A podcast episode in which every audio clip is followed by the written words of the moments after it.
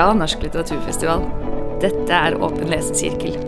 Bruk gjerne denne podkasten som utgangspunkt for egen lesing, eller som startkabel i samtale med andre.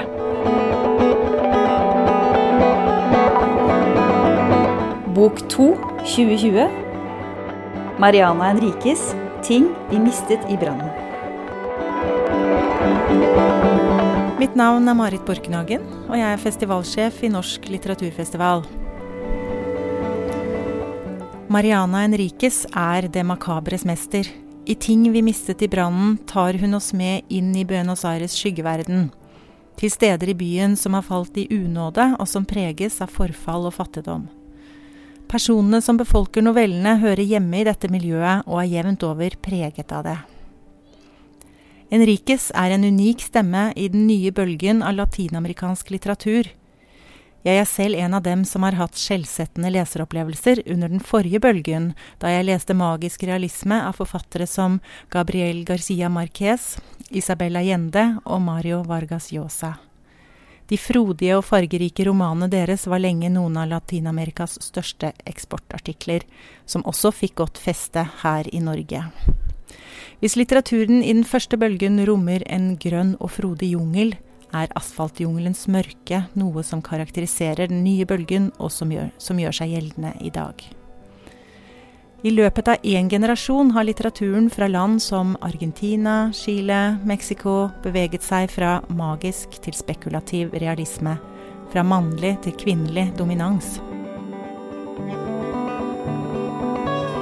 Rå skildringer av vold og tøffe livsbetingelser preger utgivelsene til forfattere som Mariana Enriquez, Samantha Sveblin og Valeria Luiselli, som alle kommer til Norsk litteraturfestival denne våren. Ting vi mistet i brannen er en grotesk og gotisk novellesamling. Argentinas mørke historie med militærdiktatur og forsvinninger utgjør et bakteppe for de tolv fortellingene hvor vold mot kvinner og barn er ett av flere gjennomgangstema. Enriques er journalist, noe som lar seg spore i hennes nøkterne skrivestil, som bidrar til å understreke det uhyggelige innholdet. Den møkkete gutten er bokas første novelle, og også en av de beste, synes jeg.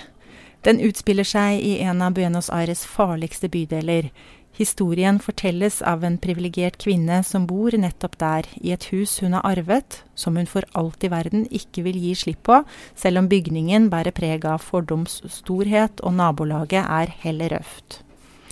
Uteliggere, transvisitter, kriminelle og prostituerte ferdes utenfor husveggene. På nærmeste gatehjørne bor en gravid narkoman kvinne og hennes fem år gamle sønn. Fortellerens forhold til den forsømte gategutten er novellens omdreiningspunkt.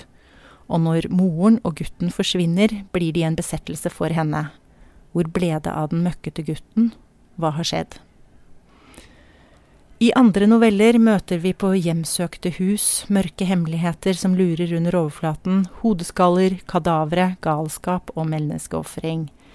Tittelnovellen 'Ting vi mistet i brannen' er den aller siste en drøy fortelling om vold mot kvinner og kvinner som protesterer ved å sette fyr på seg selv i Buenos Aires undergrunn. Det melder seg en del spørsmål etter å ha lest Enriques uhyggelige fortellinger. Novellene er tydelig geografisk plassert i Argentinas hovedstad Buenos Aires.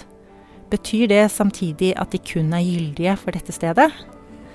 Eller har de en mer universell betydning, eller for å si det på en annen måte, kan vi også lære noe om vår egen beskyttede virkelighet gjennom å lese novellene.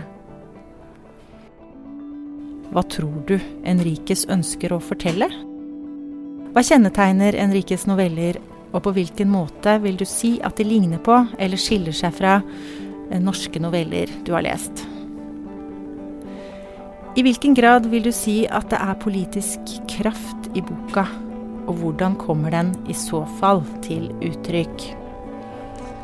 Dette er noen av spørsmålene det kan være interessant å diskutere nærmere i en lesesirkel om Maria Enriques 'Ting vi mistet i brannen'. God lesning. Lykke til. Forfatteren vil nå lese fra boka. Things we lost in the fire.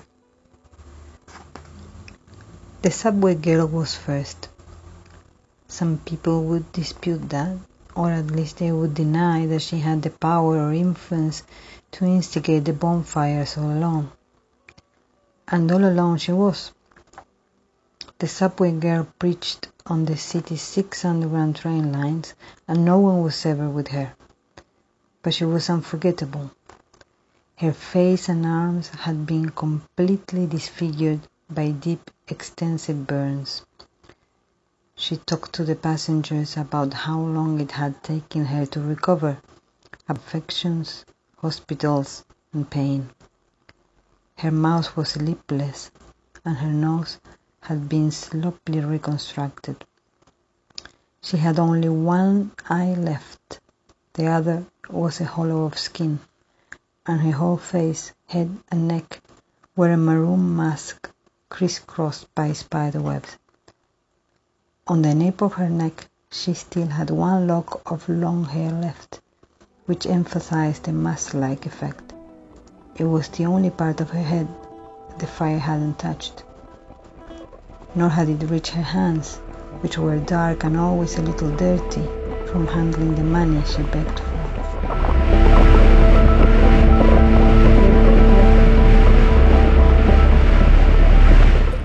Neste episode Ocean Wong På jorda er vi glimtvis vakre.